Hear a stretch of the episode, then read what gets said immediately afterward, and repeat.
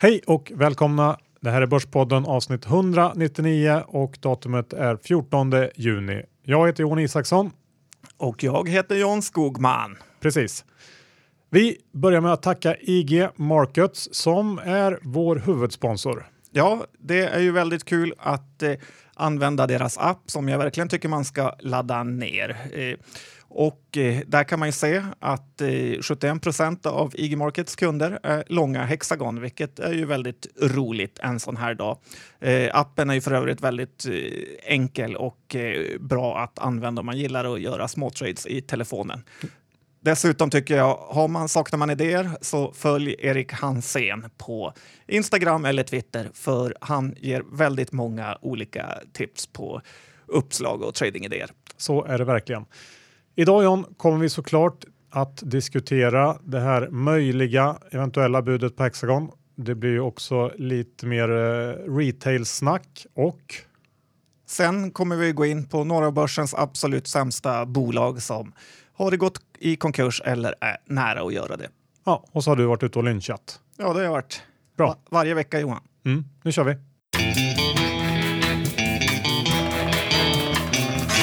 Johan Dr. Bass Isaksson. Börsen står på 16,50 ungefär och eh, ja, den går faktiskt bra får man säga. Ja, eh, det gör den och vi närmar ju oss eh, lite sommarbörs med ledighet, sämre likviditet och också en rapportperiod faktiskt snart. Och då står vi inför den här rapportperioden med, som jag varit inne på förut, extremt uppblåsta upplåsta värderingar i mitt tycke och jag personligen har ju väldigt svårt att se hur börsen ska orka igenom en, en rapportperiod som inte lever upp till de här förväntningarna. Det tycker jag ska bli intressant att se, men Eh, just nu så verkar marknaden eh, inte bry sig så mycket om det. Ehm, helt enkelt. Nej, tradingmässigt är det också det absolut roligaste när det kommer rapportbesvikelser. Ja. Eh, men vi, vi lämnar börsen i stort lite grann och går över till retail tänkte jag. För de negativa retail-nyheterna de fortsätter att strömma in ifrån USA då främst. Jag såg här i, ja, för någon dag sedan att amerikanska kedjan Gymboree, känner du till dem? Nej, Det är, de säljer barnkläder. Man kanske om man är lite ond kan eh, likna dem vid Polarn och Pyret. Eh, De filar i alla fall för Chapter 11 i veckan. Eh, De har haft det ganska tufft en längre period. Stora förluster och så vidare och nu ska de stänga 375 butiker och försöka omförhandla sina lån.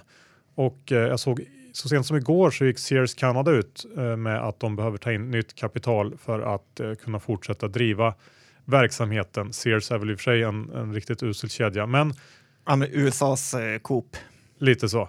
Men det pekar väl i alla fall i, i, eh, åt samma håll det här att det är tufft i retail. Sen får man väl komma ihåg att marknaden i USA är lite annorlunda än, än Sverige. Det mm, jag tror att man har uppnått en större andel av försäljningen eh, online och eh, dessutom så ska väl butikstätheten eh, eller butiksytan per capita vara större än här i Europa. Eh, så det kanske gör det svårt att dra några liksom helt raka paralleller från det här. Men generellt så tänker jag att de fysiska butikerna eller kedjorna borde vara de som har det tuffast även framöver. De som säljer, och då tänker jag framförallt på de som säljer externa varumärken eh, i butiker. Typ eh, om vi skulle hitta någonting på svenska börsen så skulle det vara MQ kanske eller eh, ganska stora delar av R&B. Eh, och andra ändan av det här spektrumet borde ju då vara bolag som har starka varumärken som man kan sälja eh, hos massor av onlinebutiker som nu börjar poppa upp överallt och har stora muskler. Om vi tittar på svenska börsen i det här fallet så skulle det kanske vara Björn Borg eller Odd Molly i så fall. Eh, och i mitten tänker jag att H&M skulle kunna hamna. För H&M's kläder går ju inte att köpa eh, på andra ställen än just H&M men å andra sidan så eh, har väl inte H&M's varumärken den riktiga styrkan som gör att man eh, är jättesugen på att köpa just ett hm plagg Du tror inte på Divided och Log. Det är Nej. ju annars två väldigt fina, fina märken. Nej, men, nej, men det, är, det är ju så. Det, en av styrkorna tycker jag som H&M har haft har ju varit att de finns överallt och är väldigt duktiga på att hitta bra butikslägen och så vidare. Vilket gör att man kanske slinker in och köper något som man inte har tänkt köpa. Eh, och det tappar man eh, ju när allt mer, eh, allt mer av klädförsäljningen går online. Å andra sidan så tänker jag att, eh, att det fortfarande går att argumentera för det här att omnichannel, det vill säga en, en kombination av online och butik, borde vara eh, någonting som ändå ska finnas i framtiden. Eh, även om det är väldigt smidigt att handla på nätet så blir det ju fel ibland och hur eh, lätt och enkelt näthandlarna ändå har gjort det och lämnat tillbaka grejerna så är det ändå sjukt jobbigt kan jag tycka. Man ska fixa ett paket, det ska tejpas igen och man ska på med någon adresslapp och sen ska man leta upp ett ställe där man ska posta det här på. Eh, och efter det så kan det ta eh, massor av dagar innan den här returen registreras och man får tillbaka sina pengar, man måste vänta på det och så vidare. Och samtidigt så går ju de flesta människor eh, runt på stan och rör sig omkring butiker och det är inte så svårt till exempel om man har råkat köpa fel storlek att ta med en byxa och lämna tillbaks eh, till en butik på väg till jobbet till exempel eller vad man nu gör. Nej, eh, hela garderoben fylld med saker jag köpt på internet som jag inte orkar lämna tillbaka. Ja, eh, du ser. Och sen tycker jag fortfarande att det finns en poäng i att titta på plagg i verkligheten jämfört med en bild på nätet. Eh, och ser man det så så kanske det ändå finns något slags eh, existensberättigande för de här kedjorna Eh, Eh, som säljer eh, andras varumärken. Kanske kan de bli intressanta uppköpsobjekt för de här rena näthandlarna. Eller så lyckas de själva utveckla och eh, förbättra sin, sin egen näthandel helt enkelt. Men det känns väl ändå ganska rimligt att tro att butikerna blir färre. Och sen får man också kanske inte glömma bort, och det tycker jag det pratas lite lite om nu, att de här upphåsade näthandlarna, de tjänar ju inte egentligen några pengar alls. Och hur kul är det att äga bolag som egentligen bara växlar pengar med sina kunder. Eh, och visst, de växer och eh, man säger att om de vill så kan de skruva om och tjäna multum, det här gamla Amazon-argumentet. Amazon är väl i och för sig en, en liten ett litet unikum här, men, men eh, jag är inte övertygad om att de flesta kan det.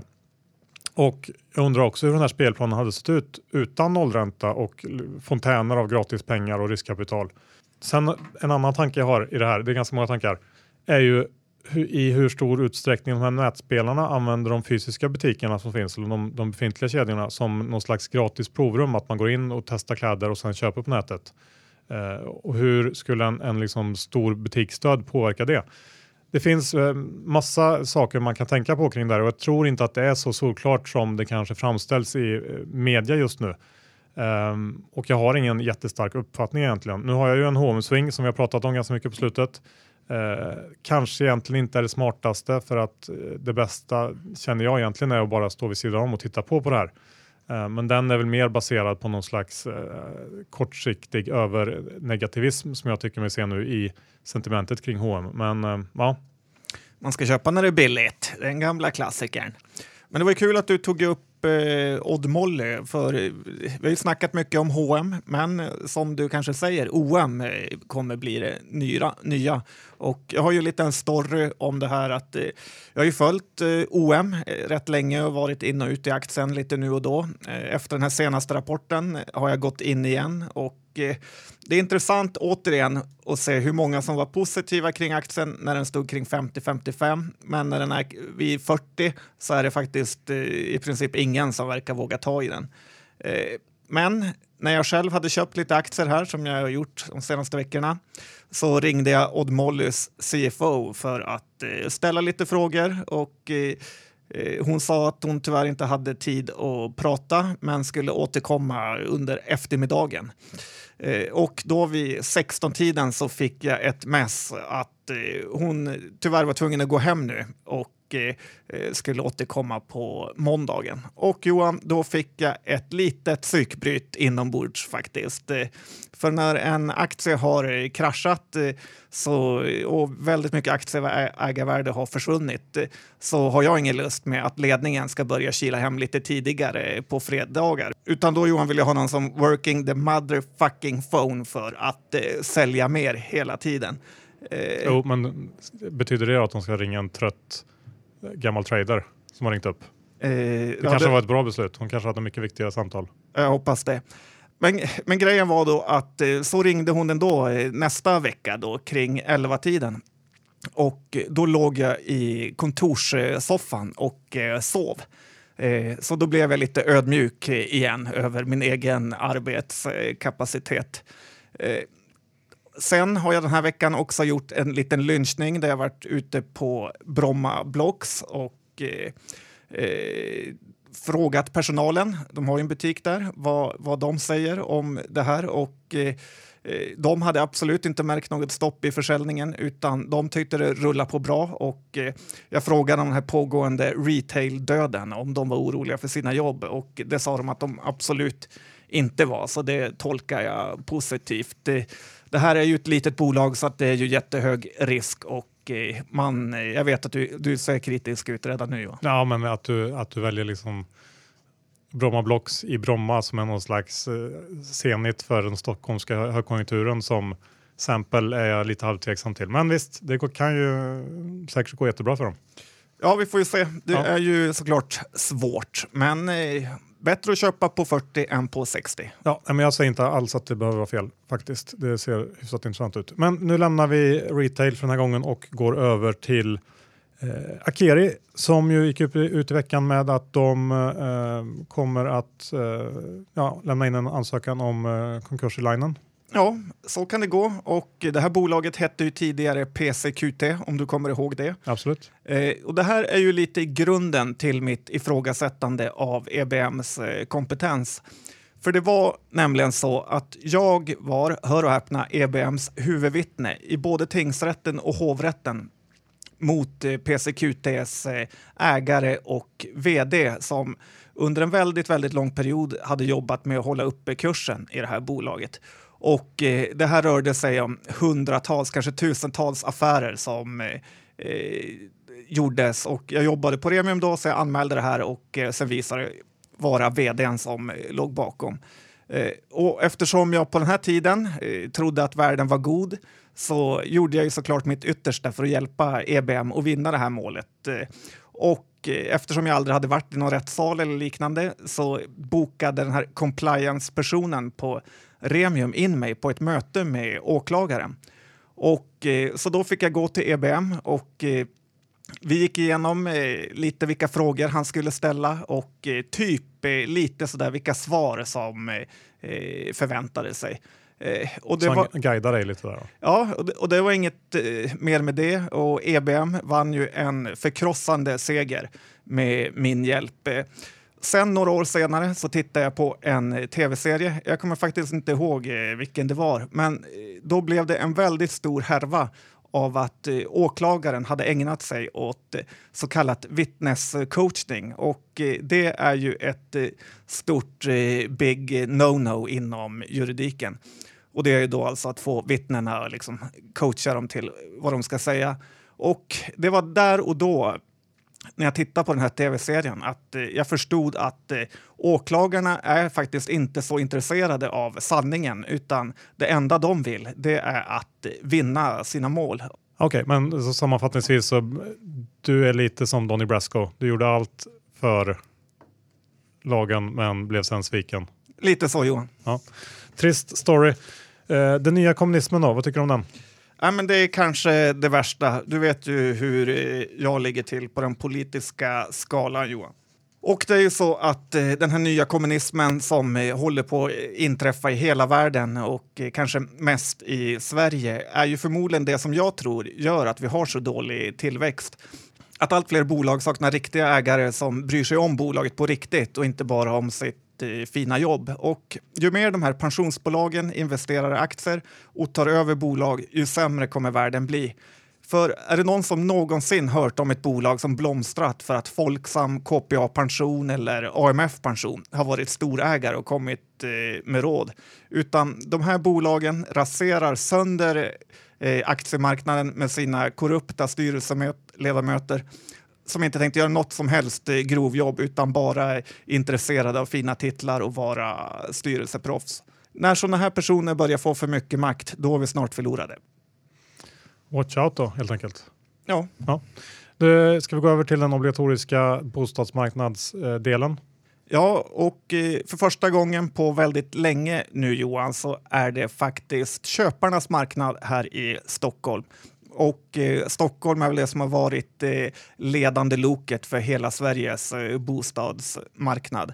Eh, de nya amorteringskraven verkar vara på väg att bita in lite, men även bankernas egna nya regler eh, med något som kallas att man eh, får fem till sex gånger eh, disponibel inkomst i maxlån gör det också svårare. Och sen tror jag också att Ingves nu kommer gå till historien som en av de största bubbelmakarna som någonsin funnits i världen med den här minusräntan i superhög eh, konjaken. Och eh, jag tycker faktiskt att man måste ge de här ekonomijournalisterna ett eh, stort IG som inte vågat ifrågasätta det här mer utan eh, få, och då få politikerna att faktiskt eh, våga göra något åt Ingves som är eh, spritt språngande. Men alla de bor väl i stora lägenheter på Södermalm Johan så de gynnas extra mycket. Antagligen är det så. Ska vi avsluta med Ryanair, första delen? Ja, det här är ju ännu ett tecken på att eh, staten inte ska äga bolag. Ryanair, vd, han har sålt en hel del aktier i sitt bolag och eh, Ryanair är ju det flygbolag som kanske har gått allra bäst i världen.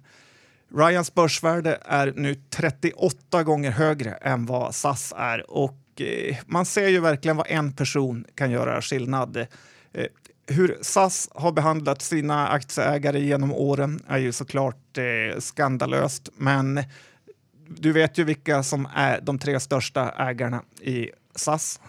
Ja, det är väl de tre staterna. Ja, helt rätt. Och eh, vad gäller statens andra innehav så har vi Posten och eh, Vattenfall med mera. Det måste få ett eh, slut på statligt ägande av aktiebolag. Tack för det John, ännu ett inlägg i ditt partiprogram. Vi ska ju absolut heller inte glömma att vi har en liten sommarpresent kan man säga till våra lyssnare. Vi har nämligen ett erbjudande ifrån eh, e-boks och eh, ljudbokstjänsten Nextory. Eh, det är så att man som Börspodden-lyssnare får möjlighet till 30 dagars gratis lyssning och läsning på Nextory. Eh, de har eh, det bästa utbudet av e-böcker och eh, tusentals ljudböcker. Själv tänkte jag passa på att lyssna på boken om Elon Musk som jag har hört ska vara spännande. Och jag tycker också att om man inte har läst Sapiens som jag läste här för några månader sedan så ska man passa på att läsa den. Och eh, jag tänker också att eh, om man inte har läst 1984, Orwells eh, klassiker, som ju sålde slut när, eh, på Amazon när Trump blev president så är ju här ett ypperligt tillfälle att, att passa på att läsa den eh, under eh, semestern. Hur som helst, det är Nextory, N-E-X-T-O-R-Y stavas det. Du går in på nextory.se kampanjkod och knappar in koden Börspodden så får du 30 dagar helt gratis och eh, det är bara att säga upp när man vill och är man bara sugen på gratis så är det bara att ladda ner det här och köra 30 eh, dagar och sen säga upp det så kostar det ingenting. Mycket bra, in och gör det nu.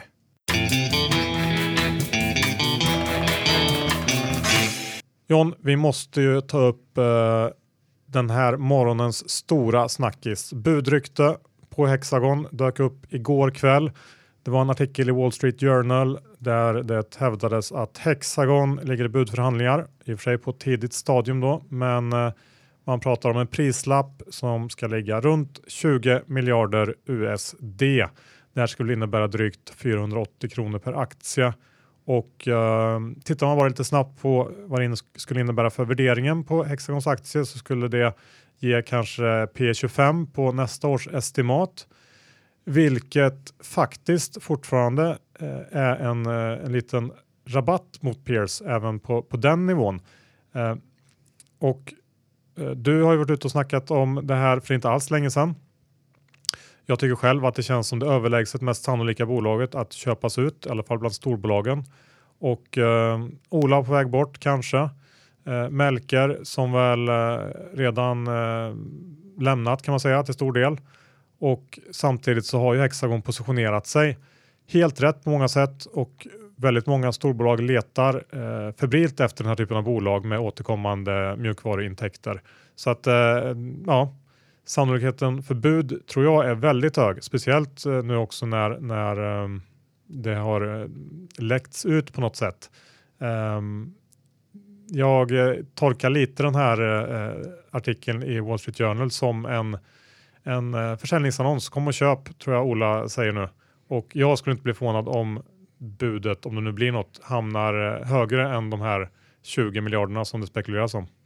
Nej, räkna aldrig ut eh, Rolle. Han vet eh, hur man kommer fixa ett bra pris på det här. Ja, det är jag också övertygad om. Men det blir helt enkelt spännande att uh, följa upp det här. Ja, ja. verkligen. Och eh, man skulle ändå vara lite tråkigt hur ett av de mest eh, tillväxtframgångsrika bolagen vi haft i Sverige skulle än en gång hamna i amerikanska händer. Ja, precis. Vi, vi eh, får se. Loomis då, John? Ja, och det här kanske kan vara en Q2-trade som man ska ta. Sverige håller ju på att byta ut hela sina sedlar och myntarsenal och eh, Loomis har ju i princip monopol på det här. Jag var själv och lämnade in eh, ett gäng mynt, eh, några kilo hos SEB och då berättade tjejen i kassan att det var extremt mycket att göra för Loomis nu och att det kanske var två veckors väntetid på att få sina pengar räknade.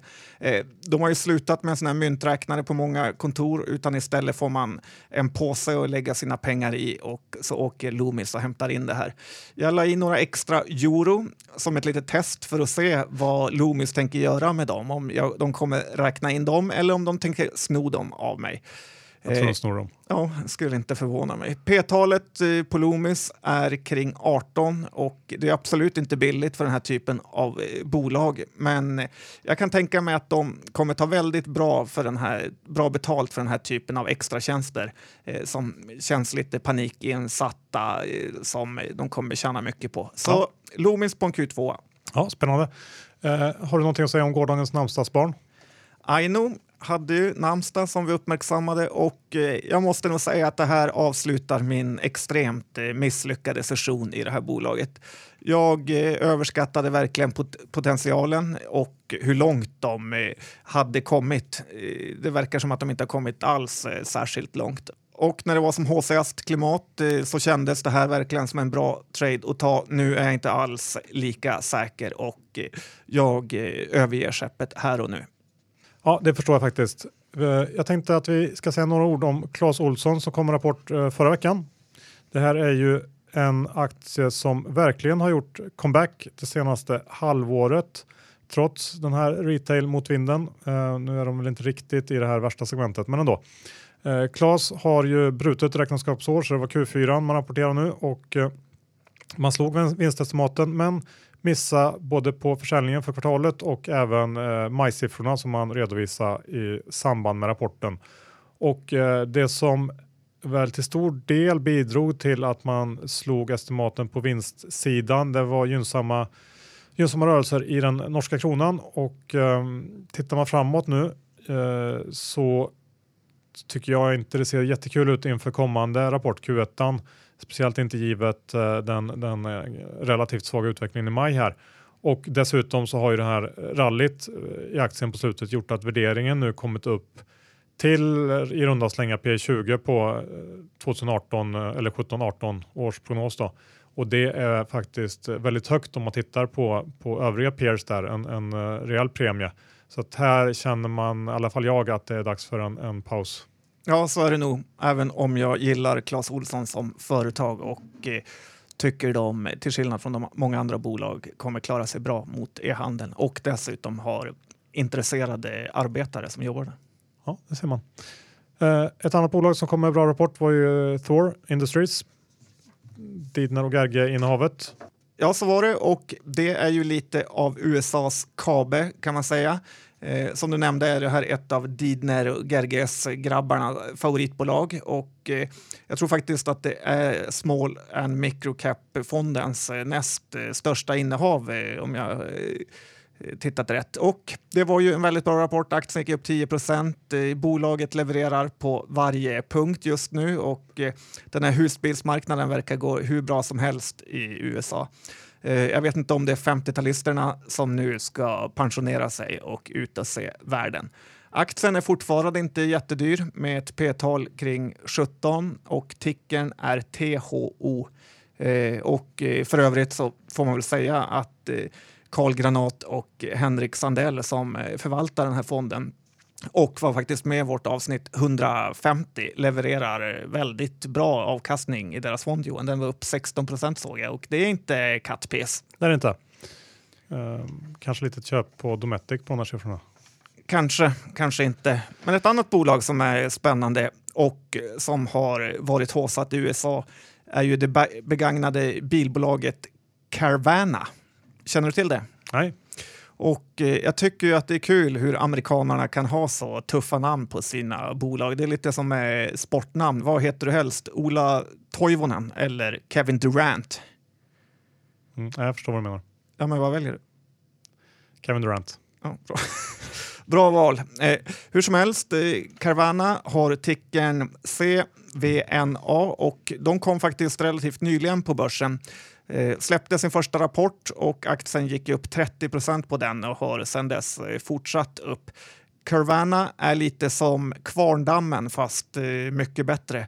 Man kan köpa bilen online, man får finansiering och sen det roliga är att man kan hämta ut den ur en sån här vending machine, alltså som en godismaskin fast för bilar. Och eh, som vi nämnde i förra avsnittet så är ju begagnade bilmarknaden i USA helt eh, enorm. Och eh, Carvana har då nyttan av att de är det som kallas nationwide. Eh, börsvärdet är eh, 2 miljarder dollar och eh, jag känner väl mig lite besviken på småsparar-communityt för det fanns inte en enda ägare på Avanza som hade den här aktien såg jag. Så nu har ni alla fått lära er något nytt Johan. Ja, men eh, spännande. Eh, spännande att föra lite om nya bolag och när vi ändå är inne och snackar bilar så har ju du varit ute och eh, eh, lynchat lite grann.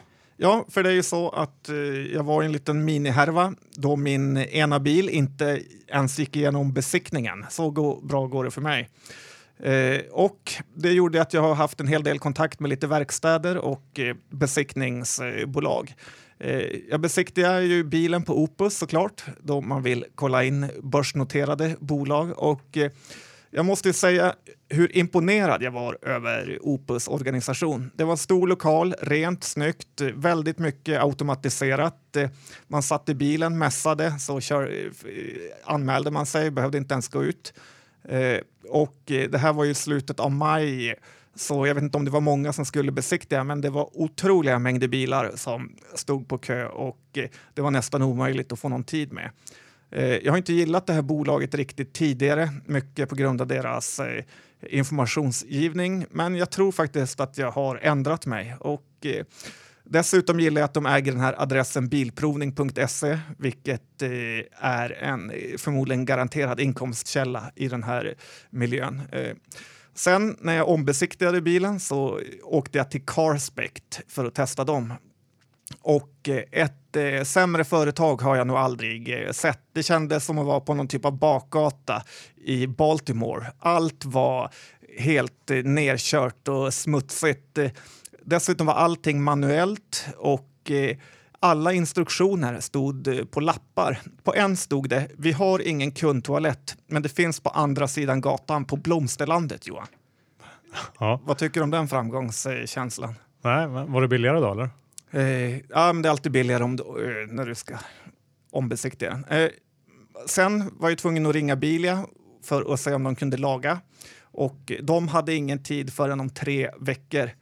Eh, Mekonomen kan man ju alltid lita på, så där gick det ju ganska fort. Och eh, jag måste återigen säga det, att det är ju otroligt vad Mekonomen är ett misskött bolag av ledningen. Det hade kunnat vara väldigt, väldigt bra, men deras it-system är ju under all kritik. Det finns heller inget eh, samarbete mellan verkstäderna och den här webbokningen stämmer ju inte överens med verkligheten om man ringer in. Eh, ändå går det ju rätt hyfsat för Mekonomen. Så om de ansträngde sig lite mer och anställde rätt personal så skulle det där kunna vara ett eh, case att ha i portföljen. Ja, det finns ju potential helt klart och det måste jag också flika in att det är ju en av de värsta grejerna med, att, eh, med bolag som har butiker och som finns på nätet att det ganska ofta är så att det saldo de har på nätet eller det lager de har på nätet inte alls stämmer, stämmer överens med vad som finns i butikerna och det är någonting som är ofattbart frustrerande. Ja, det är mycket hatkänslor då. Det är det. Och det gör att vi lämnar bilmarknaden och eh, jag tänkte gå över till SCA som ju har delats upp i en skogsdel som behåller namnet SCA och en hygiendel som får namnet Essity. Och eh, den här skogsdelen har ju handlats ett par dagar. Essity börjar handlas imorgon. Eh, men den här skogsdelen då, den, eh, nu har jag inte kollat på den idag, men igår låg den kring 65 spänn, vilket väl eh, ungefär är i linje med de förhandstips jag har sett. Eh, det är en premie mot eh, Holmen som är det självklara att jämföra mot. Eh, men eh, de analyser som jag har läst motiverar det med att säga att det här bolaget har möjlighet att göra en hel del grejer med skuldsidan i balansräkningen till exempel och dela ut stora delar av kassaflödet framöver eftersom de stora investeringarna är tagna och att det generellt finns stor potential i, i den skog man äger. Jag har egentligen ingen åsikt där men det känns väl som att de här den här nivån den ligger på nu är väl eh, rimlig antar jag. Fair value. Som du säger. Eh, SCT som då ska handlas eh, för första gången imorgon bitti.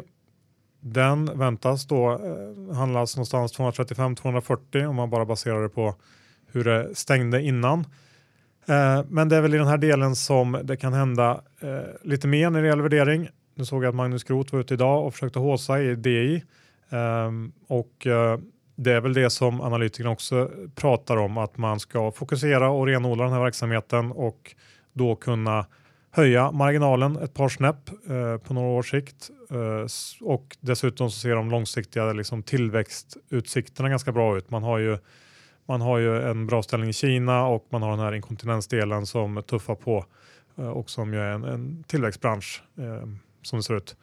Och Många gillar att jämföra Essity med eh, bolag som Kimberly Clark eller Procter Gamble eh, och tycker man då att Essity ska handlas till samma multiplar som dem, då kan man väl eh, antagligen lägga på eh, någonstans 10-15% kanske på de här 235-240 kronorna. Eh, men imorgon får vi se, blir lite spännande. Ja, hoppas att eh, Sverker Martin Lövs hjärta klarar det här bara. Det hoppas jag med faktiskt. Eh, och något han inte hade klarat, det hade ju varit att vara med eh, som aktieägare i Subaru, men det tror jag inte han har varit. Nej, det hoppas jag verkligen inte. För att Subaru, ett bolag som vi har bäsat väldigt mycket i den här podden, gick ut här för några dagar sedan att, uh, och meddela att bolaget, kapitalet kommer ta slut i juni om man inte får in nytt helt enkelt. Ja, det här är en katastrof och eh, många småsparare som kommer förlora en hacka eller har redan förlorat. Men jag hoppas de som har lyssnat på Börspodden i alla fall har kunnat spara några kronor. Ja, och stoppa för guds skull inte in någonting i, i det här. Låt eh, Sibero somna in en gång för alla nu. Helt rätt.